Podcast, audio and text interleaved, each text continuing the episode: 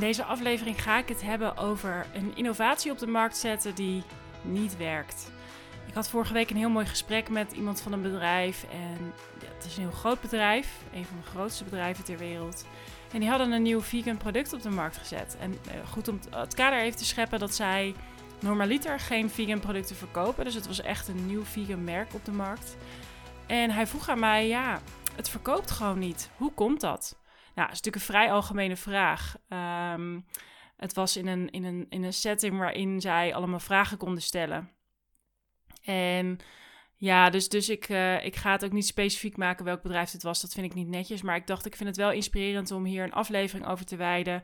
Als je nou een bedrijf bent wat in de basis geen vegan producten verkoopt, geen plantaardige producten, en je wil een nieuw plantaardig product op de markt zetten ja, weet je, uh, waarom lukt het dan niet? waarom mislukt dat dan? Ja, wat is mislukt? Daar kom ik zo op.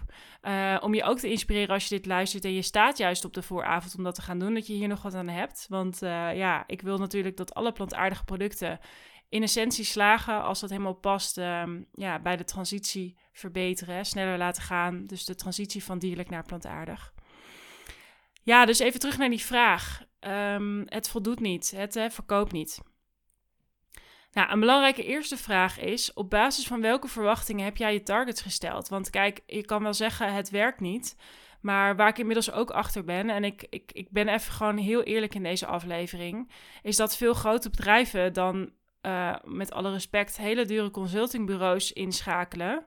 Uh, die zich dan baseren op hele algemene data. Dus dan heb ik het over consultingbedrijven die helemaal niet gespecialiseerd zijn in de plantaardige transitie.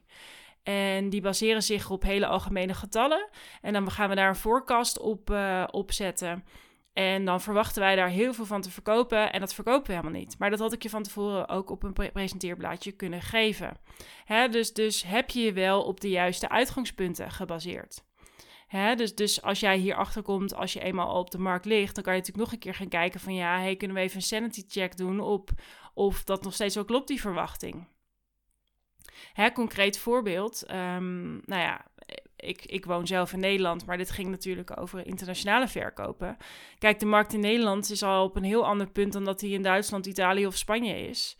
Dus uh, ja, als je nu aan iemand in Nederland die de marktdata heeft vraagt van joh, wat is de gemiddelde verkopen van, het ging niet om deze categorie, maar ik pak hem even als voorbeeld, van vleesvervangers. Um, ja, dan is een rotatie van um, ehm, 8 misschien wel hartstikke goed, terwijl je had gehoopt op 15.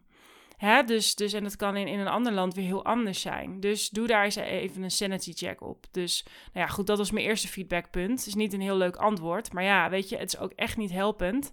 En dat zal je hopelijk uh, erkennen, dat jij uh, richt op targets die echt onrealistisch zijn. Ik hou van ambitieus, begrijp me niet verkeerd. Maar dat je dus never nooit die targets gaat halen. En dat je dus elke keer aan het hoger management ergens in uh, je hoofdkantoor in, in het buitenland mag uitleggen waarom je het niet haalt. Hè, waarom het elke keer verliesgevend is, omdat je wel heel veel marketing uitgeeft. Nou, als jij een revolutionair nieuw product op de markt zet en mensen moeten dat leren kennen, dan is het natuurlijk heel belangrijk om daar een multi-channel strategie op te hebben. Dus uh, ja, wat gewoon niet werkt, is het in de schappen leggen en dan hopen dat iedereen het koopt. Dat had dit bedrijf overigens niet gedaan. Ze hadden er best wat geld tegen aangegooid om op het gebied van marketing heel veel promoties tegen aangegooid. Maar als jij een, een merk op de markt zet wat echt een vernieuwende smaak heeft of een vernieuwend gebruiksmoment, ja, dan kan natuurlijk out of home daar niet aan. Uh, ja, dan, dan moet je daar ook wat voor hebben. Hè? Dus, dus ik, um, ja, wat ik een mooi voorbeeld vind, en we gaan natuurlijk afwachten hoe goed het gaat werken in die end, maar is dat je nu ziet dat Redefine Meat, die echt zegt, uh, wij zijn nieuw vlees aan het maken, plantaardig product.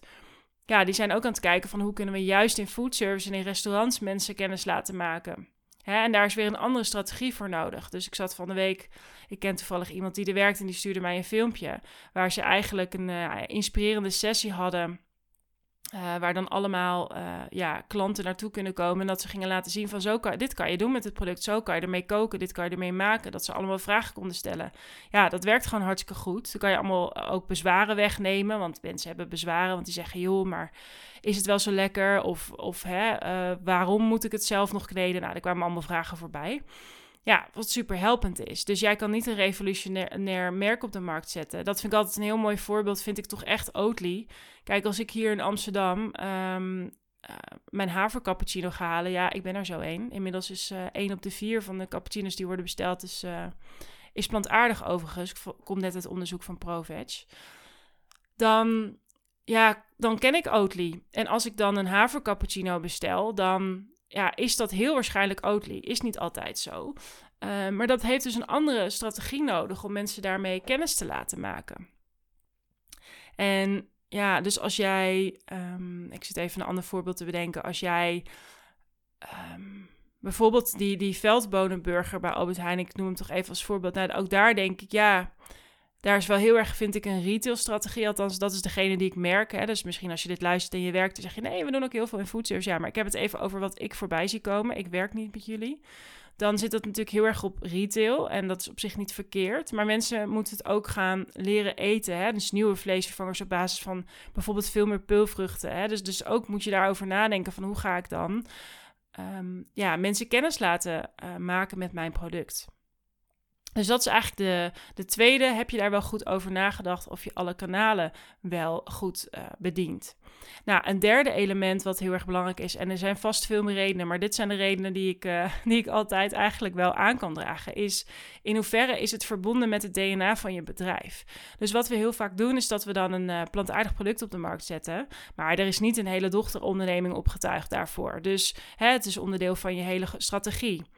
Um, nou, en als het, als het een jaartje of een maand of een kwartaal even wat minder loopt, ja, waar ga je dan voor kiezen? Datgene waar je het meeste op verdient. Dus dan wordt het een beetje ondergesneeuwd. Dus in hoeverre zijn er echt strategische doelstellingen gemaakt en is er echt commitment afgegeven op dat nieuwe merk? En ik ben expres, ja, ik vind het altijd wel lastig om even stil te zijn. Maar ik, ik wil dat toch even dat je daarover nadenkt als je dit luistert en denkt, oh ja, ja hoe gaan we dat borgen? Hè? Dus is er ook echt wel een visie binnen het bedrijf dat dit belangrijk is. Kijk, um, ja, als een bedrijf tegen mij zegt: Ja, we zijn twee jaar verder en het is nog steeds niet winstgevend. Ja, maar hoe realistisch is het dat het na twee jaar winstgevend is? Ja, ik weet jouw situatie niet, hè? Maar ik weet dat toen ik bij Dr. Utke werkte en we gingen naar een nieuwe categorie, dan duurde het vaak vijf jaar tot het winstgevend was. En dan heb ik het echt als je alle kosten erbij pakt, hè? Dus alle, uh, ja, de lijnen die je hebt moeten kopen, tot um, ja, de marketing die je moet doen, de investeringen in verpakkingen die je moet doen, et cetera. Dus ja, hoe realistisch kom ik toch weer terug op dat eerste punt eigenlijk? Hoe realistisch zijn je verwachtingen dan? Dus dat is ook een hele belangrijke. Nou, een vierde element wat voorbij kwam is eigenlijk op basis van welke consumenteninzichten heb je je product op de markt gezet.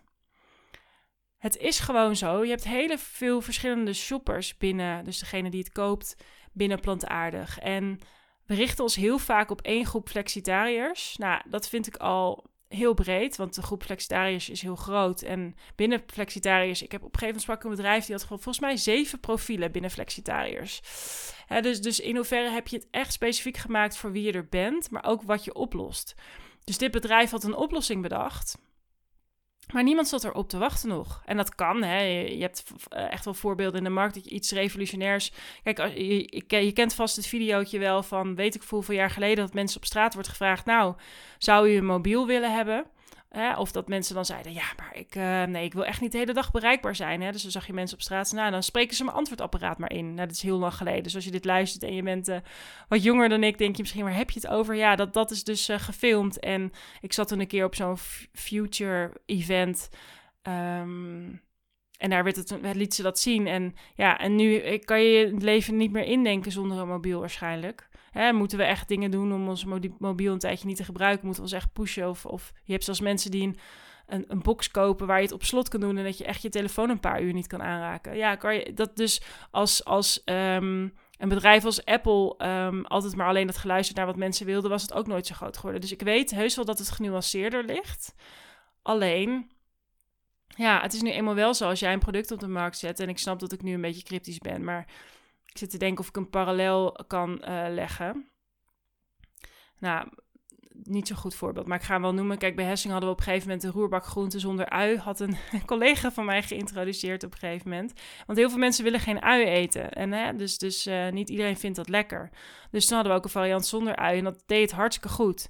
Ja, dat was wel op basis van uh, wat er in de markt gebeurt, vragen die je stelt, is die geïntroduceerd. Um, maar ja, er zijn genoeg merken op de markt waar uh, op dat moment misschien slavernij nog niet een heel groot onderwerp was en nu wel, waardoor Tony Chocolonely groot is geworden. Hè? Dus het is natuurlijk heel erg genuanceerd. Alleen, dan is dus wel mijn vraag, moet je niet een wat langere adem hebben? Is het dan wel realistisch om meteen te denken, nou, we moeten binnen... Ik, ik had gisteren een event en daar werd dan een nieuwe formule bij een retailer geïntroduceerd. En ze hadden een half jaar om zich te bewijzen. Vond ik niet heel lang, maar oké. En ik ben altijd uh, ook benieuwd in hoeverre het echt een half jaar is. Hè? Hoe lang je dan. Oh. Maar goed, anyway. Ja, dus, dus consumenteninzicht. Het is echt ontzettend belangrijk. En er zijn gewoon een aantal stelregels. Hè? Ik zou sowieso niet uh, vegan overal communiceren. Het is een soort randvoorwaarde. En de echte veganist die checkt toch wel de verpakking. Of die checkt een logo. Maar Hè, dus ik sprak gisteren ook bij een event iemand en die gingen nu ook een vegan merk op de markt zetten. Toevallig was ik dit dus aan het vertellen en zei: Oh, nou, je moet even de, de supermarkt in de gaten houden, want volgende week introduceren we het bij alle grote retailers. Ja, dan hadden ze dus ook echt gekozen voor een nieuw merk in plaats van onder het merk wat er al is. En nou ja, daarvoor heb ik tekort met haar gepraat om daar echt iets van te vinden. Maar ja, zorg in ieder geval dat je daar heel goed over na hebt gedacht. Is er wel een nieuw merk nodig? En bedenk wel wat het allemaal betekent. Dat zal echt even in het begin relatief veel meer marketing spend zijn. En uh, nou was er bij dit bedrijf ook wel meer redenen, omdat ze internationaal gingen. En het merk waar zij nu werkte, dat was eigenlijk alleen Nederlands. Hè? Dus er zijn allemaal. Maar als je er maar gewoon goed over na hebt gedacht. En ik vind ik verbaas me erover. En dat heeft echt afgelopen week me weer doen realiseren dat we zoveel geld uitgeven. En ja, eigenlijk het fundament niet goed, goed gelegd is. En dat vind ik echt heel erg zonde. En dat is nog wel een volgend element wat ik toch wel wil toevoegen. En in hoeverre werken er echt mensen bij je bedrijf met hart voor de zaak? Hè, want wat ik al in, eerder zei is, oké, is het echt een strategisch punt in je bedrijf? Hè? Gaan er eigenlijk targets opkomen? Is het, sneeuwt het niet onder in alles wat er voor de rest belangrijk is? Maar is er echt een separaat team voor bijvoorbeeld? Maar wat ook gewoon heel erg helpt, is als er mensen in een bedrijf werken die er echt passie voor hebben, die betrokken zijn bij de plantaardige transitie, of zorg dat je met mensen werkt buiten de deur die dat uh, doen voor je. Want ja, wat ik ook tegen ze zei, weet je, bijvoorbeeld, ik vind Oatly, ja, weet je, je kan van alles van ze vinden, maar wat ze wel echt neerzetten is een onwijs, sterk merk, is dat ze ook echt bold zijn. Ik vind ook een Holies, ja, die durft echt ergens voor te staan. Dus in het ontbijtgranenschap. Een Tony Chocolonely, een Hands of My Chocolate. Uh, ja, weet je, dat zijn wel bedrijven die bold zijn. Hè? En bij ieder bedrijf kan ik echt nog wel dingen noemen dat ik zeg, joh, dat kan nog veel beter. Uh, luister ook zeker mijn vorige aflevering. Hè? Als je echt die strategisch partner van je klanten wil zijn, is er zeker nog werk aan de winkel. Maar wat ze echt goed doen allemaal, is dat ze echt bold zijn en echt een visie hebben. En als jij als bedrijf, wat eigenlijk in de basis niet bekend staat om duurzaamheid, om duurzame keuzes, ja, met een nieuw merk gaat komen, dan heb je, sta je wel even 10 achter. En nee, niet al jouw klanten weten misschien dat het van dat grotere bedrijf is. Maar en dan heb ik het even over de eindconsument, maar jouw klanten, de retailers en de foodservicebedrijven wel. En dan is een bak met geld onwijs helpend. Maar ja, dan is ook de vraag: besteed je het aan de juiste dingen? Het is gewoon echt een heel ander spel. En zeker voor bedrijven zit ik nu ook te bedenken die al heel lang in de business zitten en die eigenlijk al heel lang geen nieuw merk op de markt hebben gezet. Het is een ander spel geworden, jongens echt een ander spel geworden. Dus zorg dat je echt dat fundament goed legt. En anderzijds, kijk, tuurlijk is er nog, uh, is er nog van alles te doen als je eenmaal op de markt ligt. Maar het valt me echt op, en dat zeg ik echt met liefde en uh, niet om te verkopen. Ik zeg dit echt om je te helpen. Zorg dat je de juiste mensen aanhaakt aan, je, ja, aan, aan dit traject van een nieuw merk op de markt zetten. En het mag ook een nieuw concept zijn. Die echt het spelletje snappen. Die snappen hoe jij daarin onderscheidend bent.